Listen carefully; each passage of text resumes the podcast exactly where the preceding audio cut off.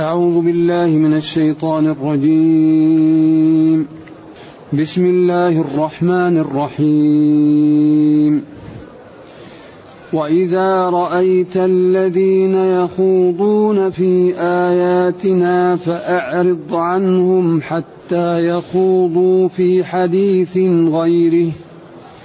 واما ينسينك الشيطان فلا تقعد بعد الذكرى مع القوم الظالمين وما على الذين يتقون من حسابهم من شيء ولكن ذكرى لعلهم يتقون وذر الذين اتخذوا دينهم لعبا ولهوا وغرتهم الحياة الدنيا وذكر به أن تبسل نفس بما كسبت ليس لها من دون الله ولي ولا شفيع وإن تعدل كل عدل لا يؤخذ منها أولئك الذين أبسلوا بما كسبوا لهم شراب من حميم وعذاب أليم بما كانوا يكفرون قل أندعو من دون الله ما لا ينفعنا ولا يضرنا ونرد على أعقابنا بعد إذ هدانا الله ونرد على أعقابنا بعد إذ هدانا الله كالذي استهوته الشياطين في الأرض حيران له أصحاب يدعونه إلى الهدى ائتنا. كالذي استهوته. كالذي استهوته الشياطين في الأرض حيران له أصحاب يدعونه إلى الهدى ائتنا. قل إن هدى الله هو الهدى.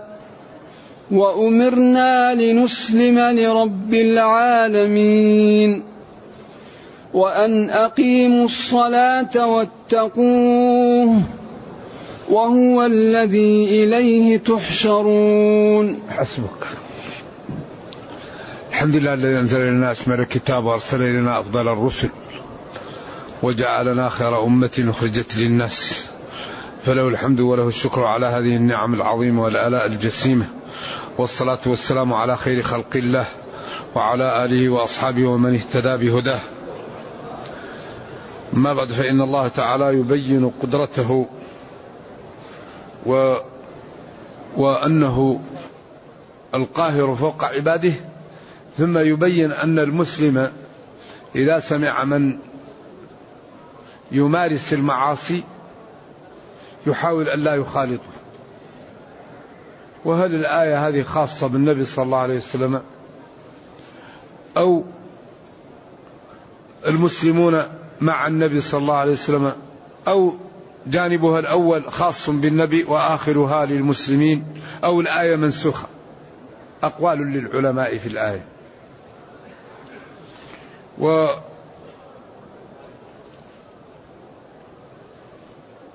لما أمر ونهى وبين قال قل هو القادر. على أن يبعث عليكم عذابا من فوقكم أو من تحت أرجلكم أو يلبسكم شيعا ويذيق بعضكم بأس بعض. انظر كيف نصرف الآيات لعلهم يفقهون. هذا كالبرهان وكالدليل على قدرة الله. فلما أمر ونهى وخوف أخبر أنه القاهر لا غيره. طيب ما دام هو القاهر إيش النتيجة؟ الامتثال امتثال الأوامر واجتناب النواهي. وقلنا إن النبي صلى الله عليه وسلم قال أعوذ بعزتك أعوذ بعزتك وأنه ألبسكم شيعا وأنه لم يستجب له. وأشرنا إلى أن أكبر مشكلة تعيشها الأمة هي الخلاف بينها. الخلاف بين الأمة. ولذلك يعني الله يقول ولا تنازعوا فتفشلوا. وقال الحالقة لا أقول تحلق الشعر وإنما تحلق الدين هو الهجر والاقتطاع بين المسلمين. انظر يا نبي نظر اعتبار سواء بالبصر أو بالبصيرة أو بهما معا. كيف الحالة التي نصرف نوضح لهم الآيات والبراهين لعلهم يفقهون؟ انظر ما, ما وضحنا لهم لعلهم بذلك يفهمون فهما ينجيهم من عذاب الله ويجعلهم يسلكون الجادة. ثم بين قال وكذب به أي بالدين أو بالقرآن قومك قريش وهو الحق الذي لا وراء وراءه. قل لست عليكم بوكيل. هذه جمل مختصرة لكن مليئة بالأحكام.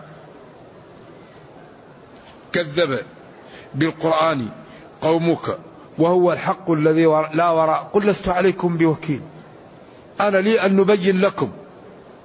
لا أملك لكم ضرا ولا نفعا ولا أملك لنفسي ضرا ولا نفعا.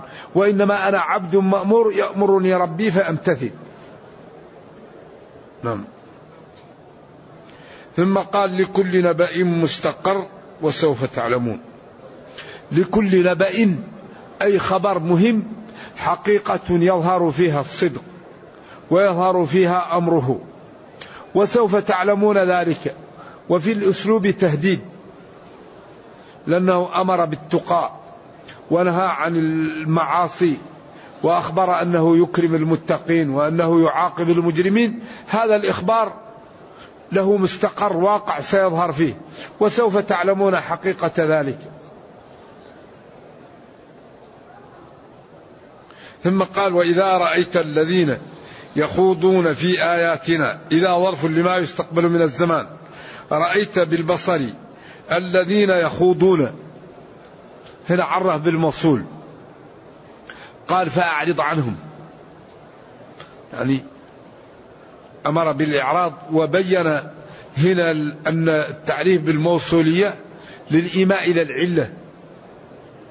لأن صلة الموصول مومئة إلى العلة.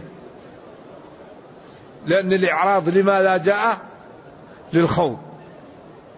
وإذا رأيت الذين يخوضون. ذلك أحيانا يكون التعريف بالموصول للإيماء إلى إلى إلى إلى إلى, إلى العلة فيه والإخبار. وإذا رأيت يا نبي الذين يخوضون والخوض هو أن يمشي الشخص في الماء. لا يسبح وإنما يمشي فيه فيكون رجله وهو ماشي في الماء تخوض فيه. وعبر عن الوقوع فيما لا ينبغي خاض خاض في الأمر دائما الخوض فيما لا ينبغي أن يكون اللي يكون عقباه غير حميدة. كنا نخوض مع الخائضين وخضتم كالذي خاضوا فالخوض دائما تعبير عن شيء غير محمود. إذا إذا رأيت يا نبي الذين يتكلمون في آياتنا كلام غير لائق إما بطعن أو تكذيب أو غمز فأعرض عنهم. أتركهم ولا تدخل معهم في ذلك حتى يخوضوا في حديث غيره. وإما ينسينك وإن ينسيك الشيطان لأن النسيان دائما يكون من الشيطان. وإن كان النبي صلى الله عليه وسلم محفوظ من الشيطان فيما يبلغ. إن عبادي ليس لك عليهم سلطان. لا يأتي وإنما ينسى ليسن. وقيل الخطاب لأمته وإن كان جاء له. لكن هو الأنبياء يمرضون وينسون ويصابوا لكن فيما يبلغون قلوبهم محفوظة. لا يمكن أن يتطرق لها الشيطان ولا شيء وإنما الجانب التبليغي محفوظ حتى يبلغ. لذلك لا ينسى إلا بعد التبليغ فإذا بلغ قد ينسى لي ليسن سلم من ركعتين وقال أقصرت الصلاة أم نسيت؟ قال كل ذلك لم يقع. ثم قال أكما يقول ذو اليدين؟ فكمل الصلاة وسجد للسهو. هذا قال العلماء هذا ليسن ليعلم الناس الحكم ويبين لهم. إذا وإذا شاهدت يا نبي الذين يخوضون يتكلمون كلام غير لائق في آياتنا سواء كان في القرآن أو في محمد صلى الله عليه وسلم أو في صفات الله أو في قدرته فأعرض عنهم. يعني اتركهم وتجنبهم. وهو من العرض يعني لا تقبل إليهم ولا تنصت إليهم. كما قال وقد نزل عليكم في الكتاب أن إذا سمعتم آيات الله يكفر بها ويستهزأ بها فلا تقعدوا معهم حتى يخوضوا في حديث غيره. إنكم إذا مثلهم. إن الله جامع المنافقين والكافرين في جهنم جميعا. وقيل هذا كان في أول الأمر ثم قال نحن كيف نطوف بالبيت وكيف والمشركون؟ فقال إنكم إذا تجنبتموهم ولم تدخلوا معهم في أمرهم فلا يضركم ذلك.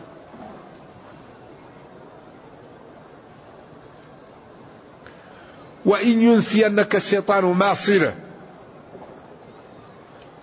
فلا تقعد بعد الذكرى مع القوم الظالمين. فلا تقعد بعد أن تتذكر أن هؤلاء يخوضون أو بعد أن ذكرت بأنك لا تفعل فلا تقعد معهم. لأن بعد الذكرى كأنك نسيت وإيش؟ وجلست معهم. فإن تذكرت الأمر فقم عنهم. أو بعد أن ذكرك ربك بأنك لا تجلس معهم بعد ذلك لا.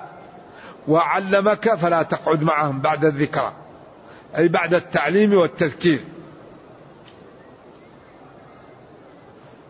وهذا يدل على أن المتقين ينبغي أن يجانبوا الظلمة ولا يخالطوهم إلا بقدر ما به يبينون لهم حتى ينجو المتقي. لأن المتقي بدون البيان للظالمين لا يسلم ولا يهتدي. لأن الوحي انقطع. ونبينا صلى الله عليه وسلم قال لا نبي بعدي. فلا بد لأهل الحق ولأهل الاستقامة من أن يوضحوا لأهل الانحراف والظلمة ما هم عليه من الخطأ لينجو أصحاب الاستقامة. لأنهم بدون البيان لا ينجو. لا يضركم من ضل إذا اهتديتم. الاهتداء ما هو؟ الأمر بالمعروف والنهي عن المنكر. إذا بدون أن يبين المتقين أن يبين المتقون للظالمين عند ذلك يبقى على المتقين تبعة البيان. فلا تقعد بعد الذكرى مع القوم الظالمين. أي بعد البيان وبعد التوضيح وبعد التذكير لا تقعد معهم وإنما بين لهم واذهب. لأن الذي يجالس الظلمة والمنحرفين لغير دعوتهم ولغير إنقاذهم ومن غير إنكار يوشك أن إيش؟ أن يعمه ما جاءهم. ولذلك لا بد أن ينكر المسلم المنكر. من رأى منكم منكرا فليغيره.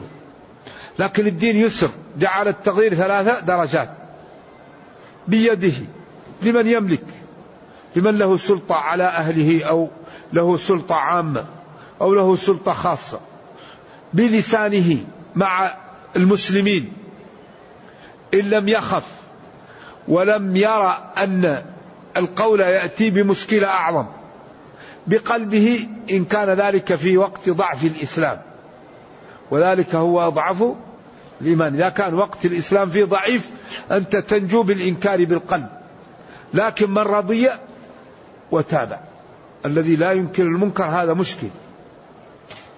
ذلك ضروري من إنكار المنكر على قدر ما يستطيع المسلم وضروري من التعاون على البر والتقوى وضروري من أن تكون الأمة مهتمة بأمورها العامة. ثم قال وما على الذين يتقون من حسابهم من شيء. هذا توضيح. وما على وليس على الذين يتقون الله تعالى ويتقون ما يفعل هؤلاء من حساب الظالمين من شيء ولكن عليهم الذكرى. الذكرى مفعول مطلق يذكرونهم ذكرى أو خبر لمبتدأ أو مبتدأ. ولكن لهم الذكرى أو عليهم الذكرى أو الذكرى واجبة عليهم أو يذكرونهم ذكرى. على أن ذكرى يعني مفعول مطلق أو على أنها خبر لمبتدأ أو مبتدأ.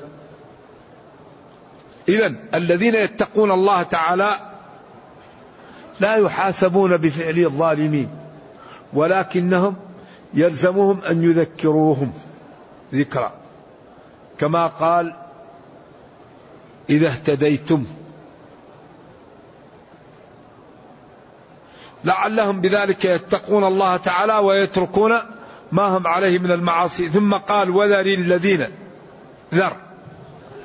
هذا الفعل واوي واوي الفاء. وكل فعل واوي الفاء مضارع وأمر ومصدر يحذف منه الفاء. ذر أصلها وذر مثل عد أصلها وعد وقاء تقول قي. والعرب لم تستعمل الماضي ولا المصدر من هذا. استعملت الأمر والمضارع لكن الماضي والمصدر. ذر دع بمعنى اترك الذين اتخذوا دينهم. لعبا ولهوا. دع القوم أو الجماعة الذين اتخذوا دينهم عبادتهم وشأنهم لعبا ولهوا. دينهم هو اللعب واللهو. قيل هذا أمر والآية منسوخة بمقاتلة الكفار وقيل هذا تهديد.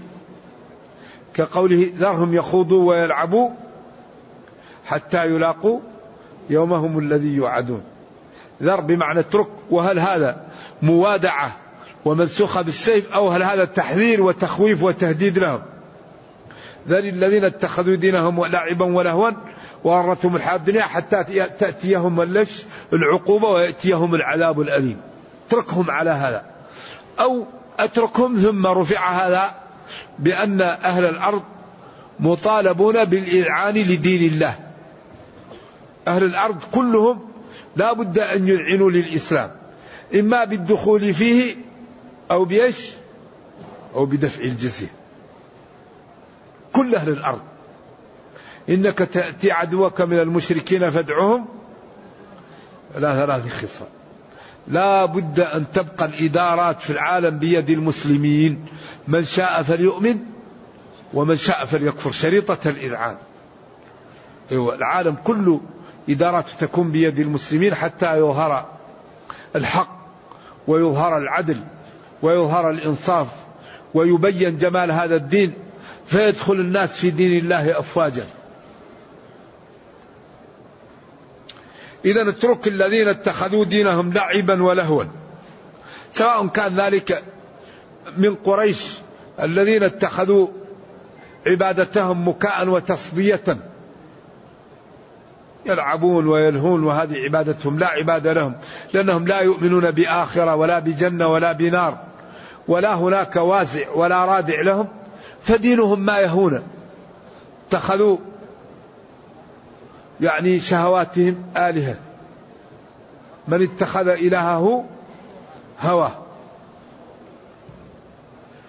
وغرتهم الحياة الدنيا.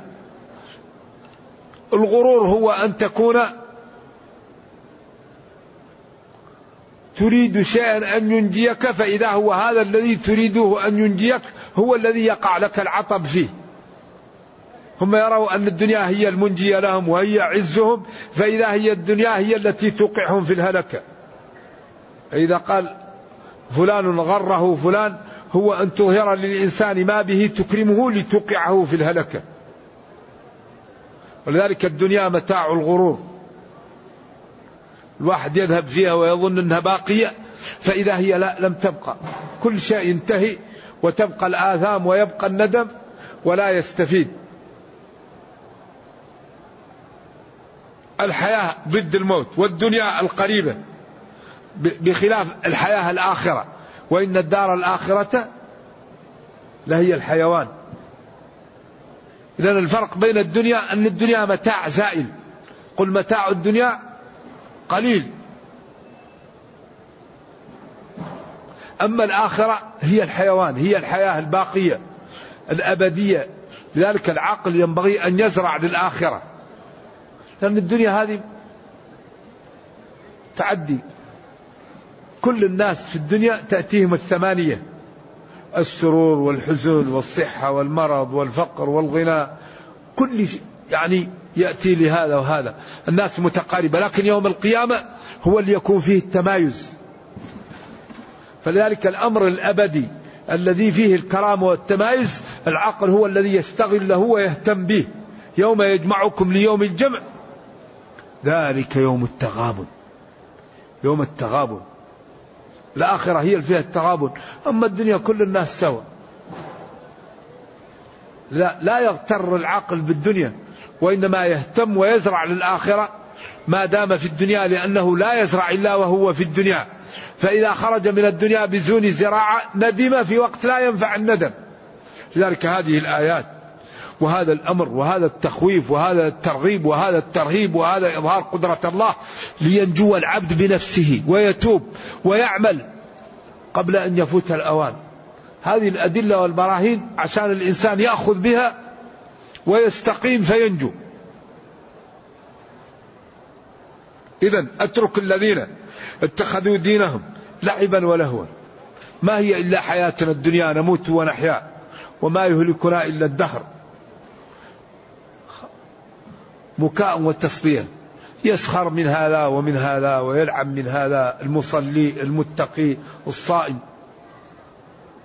وغرتهم الحياة الدنيا. يعني انخدعوا بها وببهرجها. ولذلك قالوا لولا نزل هذا القرآن على رجل من القريتين عظيم. أهم يقسمون رحمة ربك؟ نحن قسمنا بينهم. معيشتهم في الحياة الدنيا ورفعنا بعضهم فوق بعض درجات يوم القيامة. ذلك لولا أن يكون الناس كفارا لما سقى مسلما من الدنيا. لأن الدنيا ما لها قيمة. ولولا أن يكون الناس أمة واحدة لجعلنا لمن يكفر بالرحمن لبيوتهم سقفا من فضة ومعارج عليها يظهرون ولبيوتهم أبوابا وسررا عليها يتكئون وزخرفا وإن كل ذلك لما متاع الحياة الدنيا. والآخرة عند ربك للمتقين. الآخرة للمتقين. أما الدنيا للجميع. قل هي للذين آمنوا في الحياة الدنيا مع الكفار خالصة أو خالصة يوم القيامة للمتقين. وذكر به أي بهذا الدين وبالقرآن. أن تبسل. تبسل تسجن ترتهن تعذب توبق تهلك.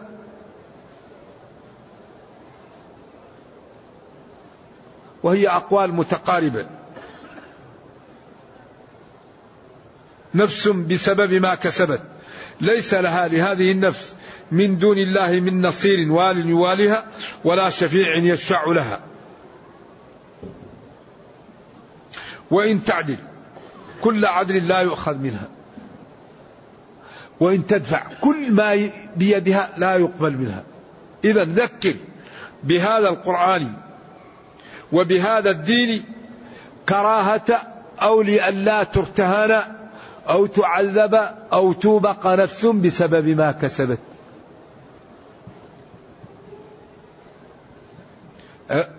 أن تبسل يمكن مفعول لأجله ويمكن تكون مفعول. ويذكر به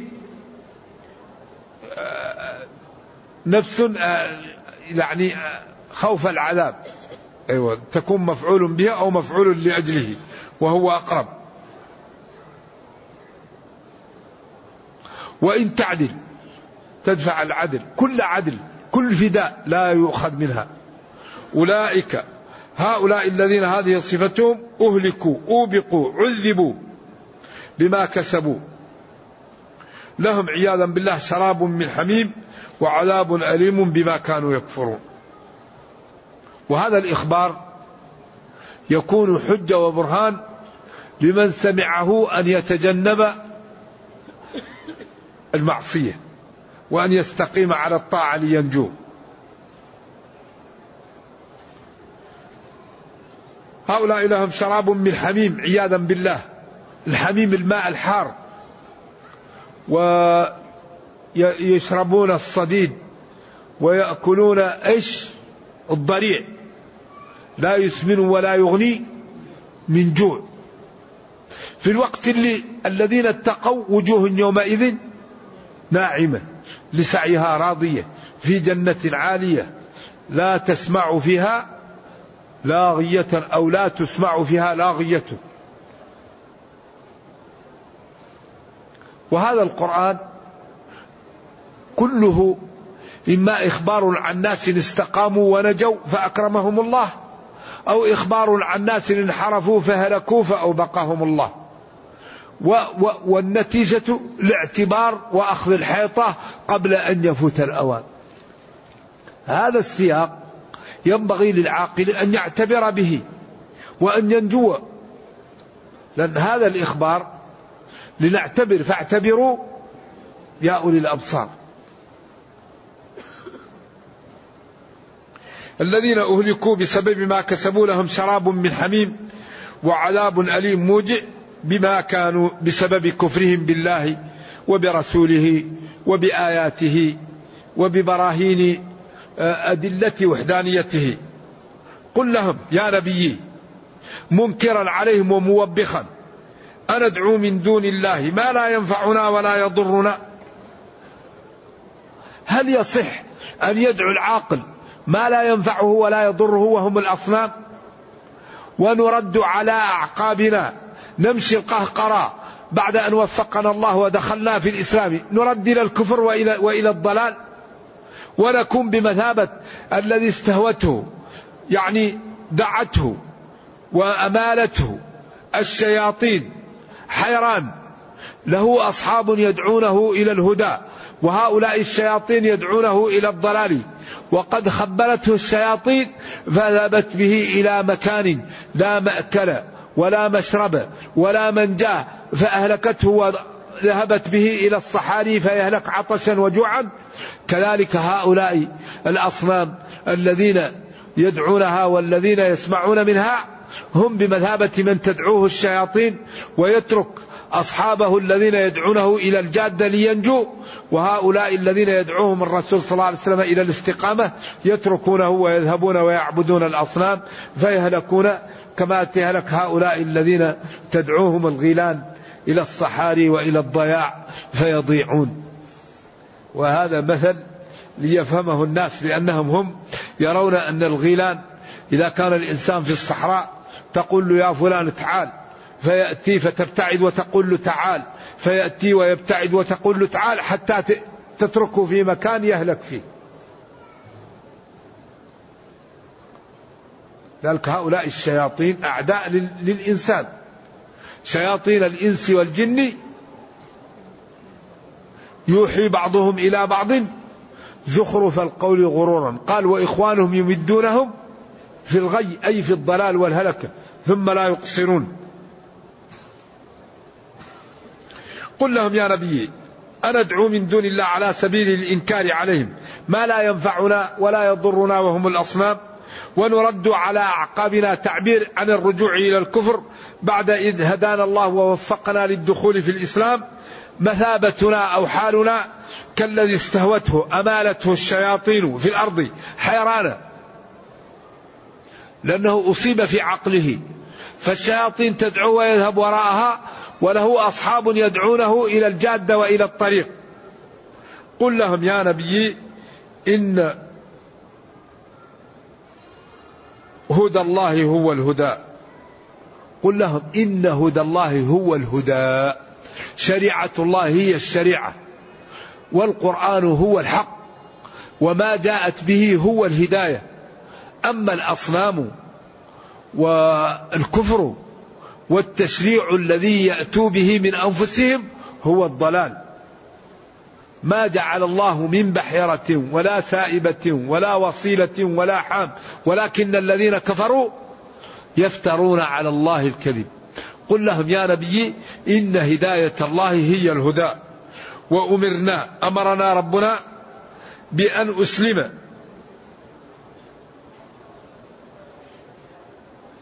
وننقاد لرب العالمين.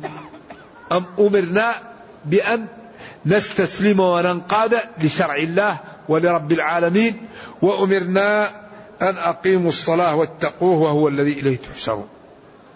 أقيموا الصلاة. لأن الصلاة هي أكبر مقوي للدين. لا يوجد شيء أقوى للإسلام من الصلاة. ولذلك أخبر أن الله إنها ثقيلة إلا على الخاشعين. وأخبر أنها تحمي من الفحشاء والمنكر. إن الصلاة تنهى عن الفحشاء والمنكر.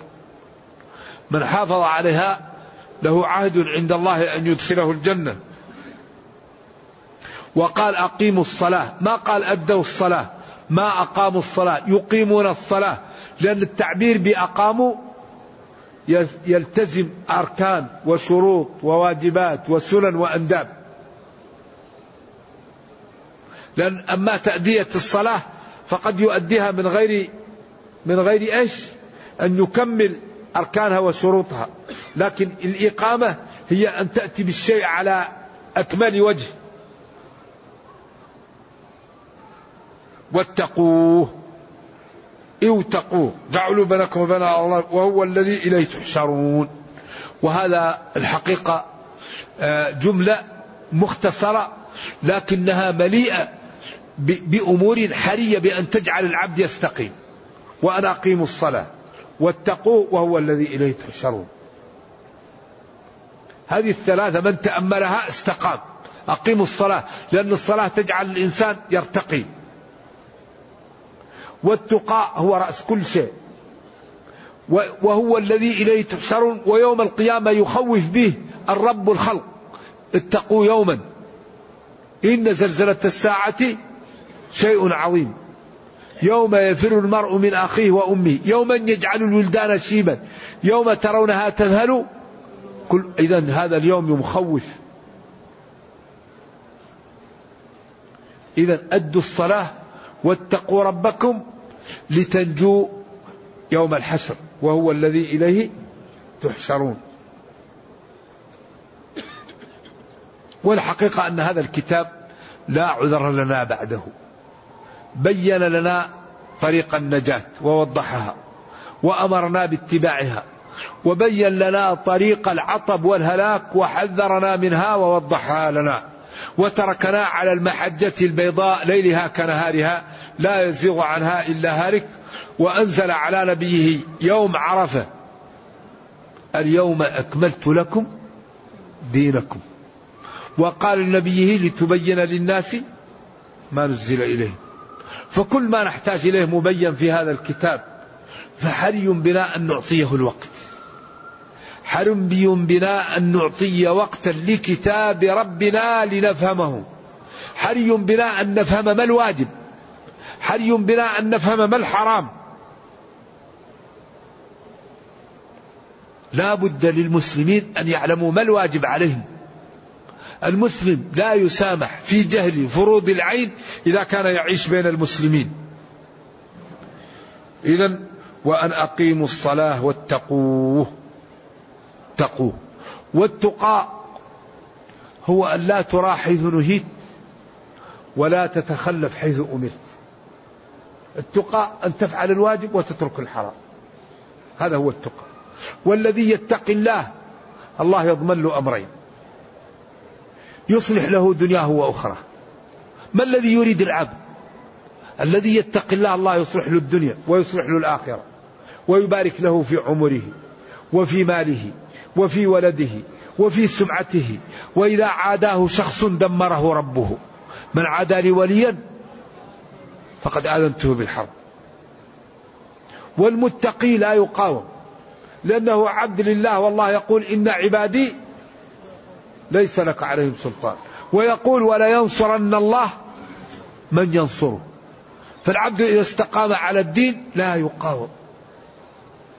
كل عمله فيه الخير وفيه النور وحياته كلها يعني تدر على الأمة الخير. ولكن التقى لا يمكن أن يكون إلا بالمكابدة ما يمكن أن ينال العبد التقى إلا بالمكابدة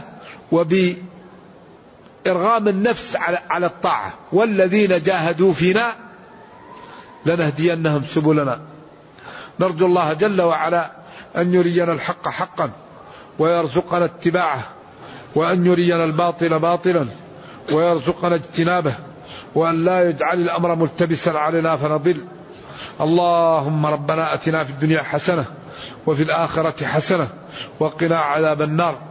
اللهم إنا نسألك أن تصلح لنا ديننا الذي هو عصمة أمرنا وأن تصلح لنا دنيانا التي فيها معاشنا وأن تصلح لنا آخرتنا التي إليها معادنا وأن تجعل الحياة زيادة لنا في كل خير والموت راحة لنا من كل شر.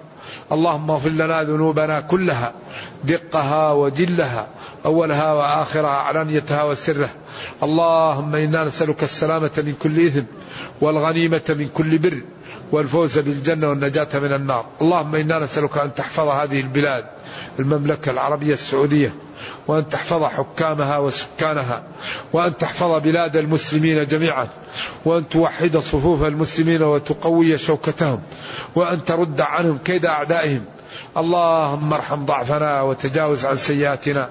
سبحان ربك رب العزة عما يصفون وسلام على المرسلين والحمد لله رب العالمين. وصلى الله وسلم وبارك على نبينا محمد وعلى آله وصحبه. والسلام عليكم ورحمة الله وبركاته. يقول صاحب الكلالة إذا توفي وأخذ إخوتي الثلثين والباقي الثلث لمن؟ من بعده. يعني الورثة لا يخلو من أن يكونوا عصبة أو يكونوا أصحاب فروض أو يكون مشترك أصحاب فرض وعصبة. فإن كان في الورثة عاصب يأخذ أصحاب الفروض فروضهم وما بقي فلأولى رجل ذكر. وإذا كان له أخت تشترك معه يعصبها. فإن كان المال لا يوجد فيه ذكر فبعض العلماء يقول المال يرد. على أصحاب الفروض وبعضهم يقول يرجع لبيت المال وبعضهم يقول لذوي الأرحام على خلاف بين العلماء في ذلك. والقضية ليست درجة لازم لأن الله قال وأولو الأرحام بعضهم أولى ببعض على أن هذا المقصود به توريث الأقارب ولكن في باب اسمه باب التنزيل الخال والخالة والعمة هذا قد ينزل إذا لم يكن فيه ورثة. ومالك لا يرى ذلك يرى أصحاب الفروض يأخذوا الفروض والباقي لبيت المال. نعم. هل يصح في تفسير قوله قارون إنما أوتيته على علم عندي أنه كان يحول المعادن إلى ذهب؟ لا لا. لا لا هو إنما هو كان يعني على علم عنده ببصيرة بالتجارة وبالفهم والقوة.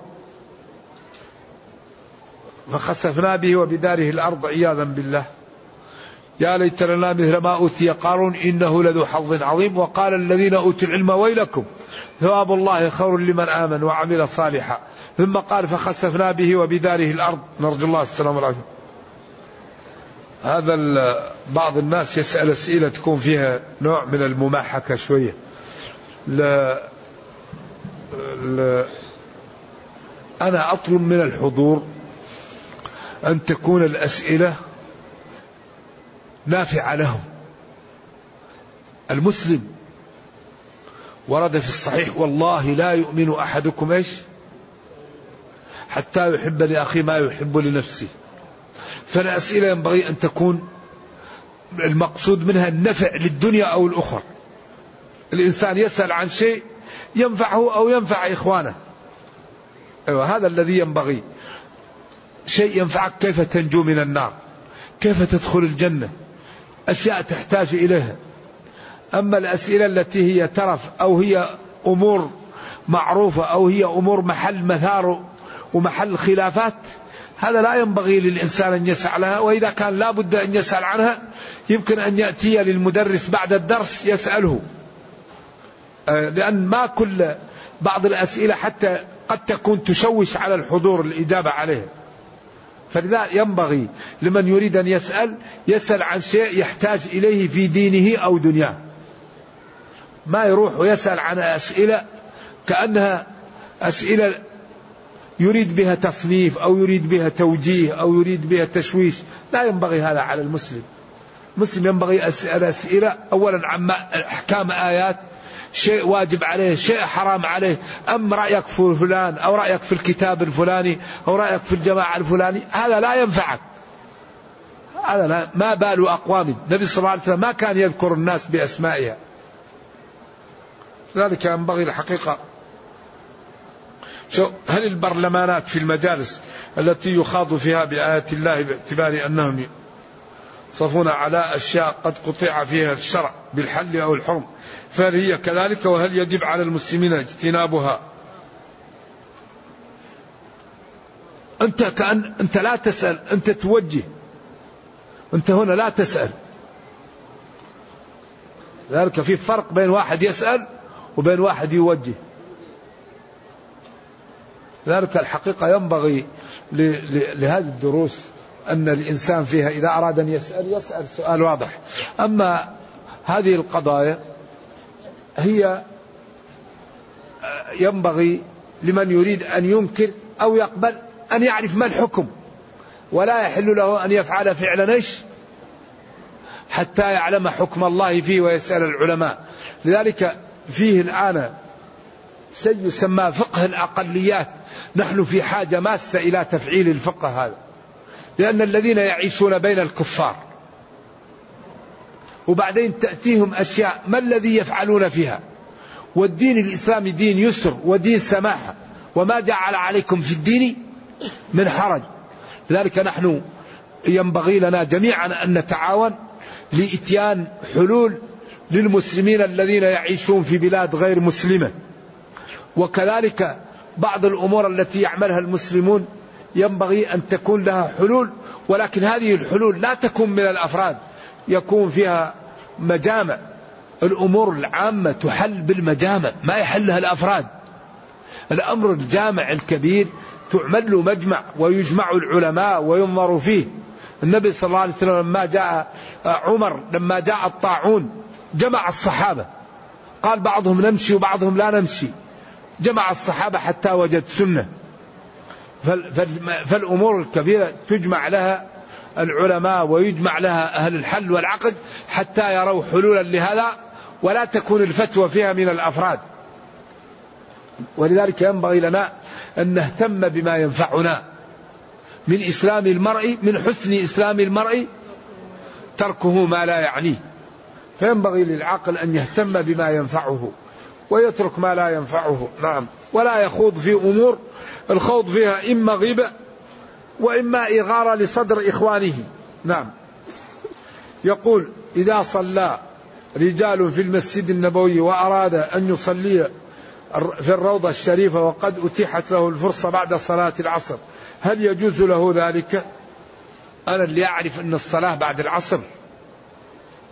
اختلف فيها العلماء فيها عموم وخصوص من وجه.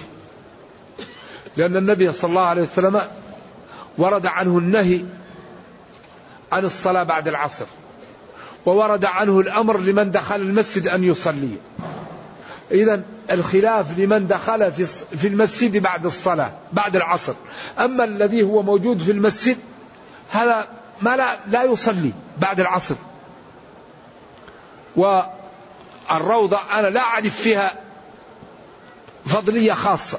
وإنما ورد عن النبي صلى الله عليه وسلم أنه قال ما بين بيتي ومنبري لكن ما المقصود بهذا؟ هل المقصود أن الجنة بين البيت والمنبر فوق؟ أو أن من تعبد هنا يؤول إلى الجنة؟ أو أن هذا المحل فضيل؟ ما المقصود؟ الله أعلم. لكن من قال إنه فضيل وصلى لا ينكر. لكن الصلاة بعد العصر منهي عنها. لا صلاة بعد العصر حتى تغرب الشمس. ما قال إلا جاء إلا إذا كان مسافرا وجاء للروضة. فله أن يصلي النافلة بعد العصر. ما قال هذا. والشريعة كاملة. قال للرجل لن يجزي عن أحد بعدك. وقال له خالصة لك من دون المؤمنين. وقال لهذا يخرج من ضئه ناس يخرجون من الدين كما تخرج السهم من الرمية. وقال لهذا تقتل عمار الفئة الباغية. وقال لهذا إن ابني سيد وسيصلح الله به بين فئتين عظيمتين من المسلمين. وقال هل بعد هذا الخير من شر؟ قال, قال هل بعد ذلك الشر من خير؟ قال نعم وفيه دخل. إذا ما قال لا صلاة بعد العصر إلا لمن جاء. وكانت الروضة في وقت الظهيرة مزدحمة. وجاء العصر فله أن يصلي النافلة فيها. ما قال هذا؟ قال لا صلاة. ولا مركبة معنا. أي لا صلاة في هذا الوقت. لذلك قالوا الصلاة بعد العصر مكروهة. فإذا قربت الشمس من الغروب حرمت. والصلاة بعد بعد الفجر مكروهة. فإذا قربت الشمس من الطلوع تحرم. إلا ركعتي الفجر استثنيت لأنه قال آه الصبح أربعا. قال لا عاجلت لي الفريضة قبل أن نصلي ركعتي الفجر فأقره بها. والحديث صالح. والشافعي رضي الله عن الجميع قال إن ذوات الأسباب خارجة عن النهي. إذا من جاء وصلى يعني لأنه دخل المسجد له ذلك. من طاف وصلى له ذلك. لكن يأتي للروضة ويصلي من غير يكون كان في المسجد ويصلي هذا مشكل.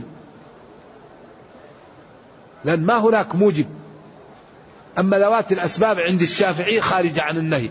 أما مالك وأبو حنيفة وأحمد في المشهور عنه تعارض أمر ونهي فيقدم النهي. ما نهيتكم عنه؟ فاجتنبوه وما أمرتكم به فأتوا منه ما استطعت. لذلك الإنسان إذا جاء بعد العصر للمسجد فإن صلى لا غبار عليه وإن جلس لا غبار عليه والكل صحيح والجنة أبوابها كم؟ ثمانية. تدخل من باب غيرك يدخل من باب والثالث يدخل من باب. الذي يصلي بعد العصر لا غبار عليه والذي لا يصلي لا غبار عليه. هذا له دليل وهذا له دليل والكل صحيح. كما أنه قال لا يصلين أحد العصر فمن صلى لا غبار عليه ومن لم يصلي لا غبار عليه. والدين يسر يا إخوان. وأريد ممن يريد أن ينكر على مخالفيه أن ينظر في أدلتهم قبل الإنكار.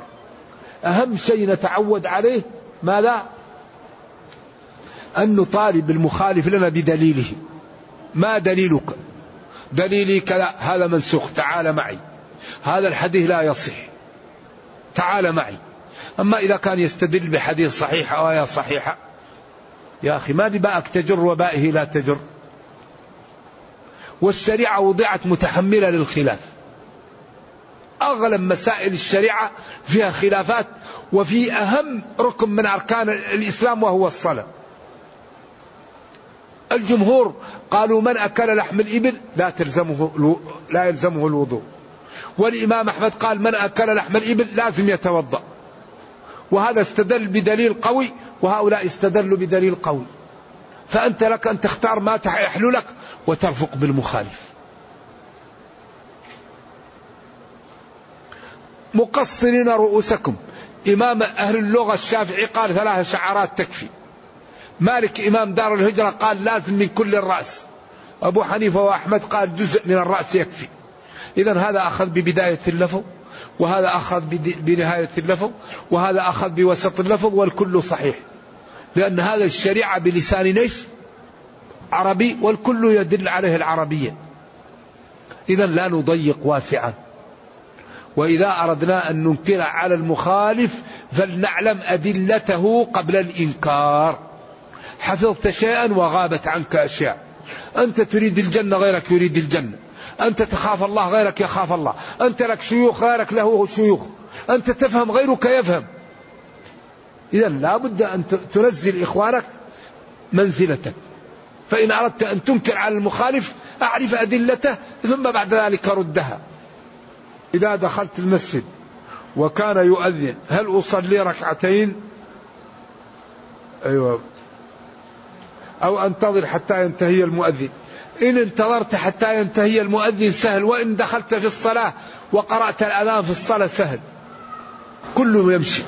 لكن اتبع الأذان وأدعو الدعاء الموجود. وبعدين إيش؟ صلي بعد ذلك. لأن الجمع أولى.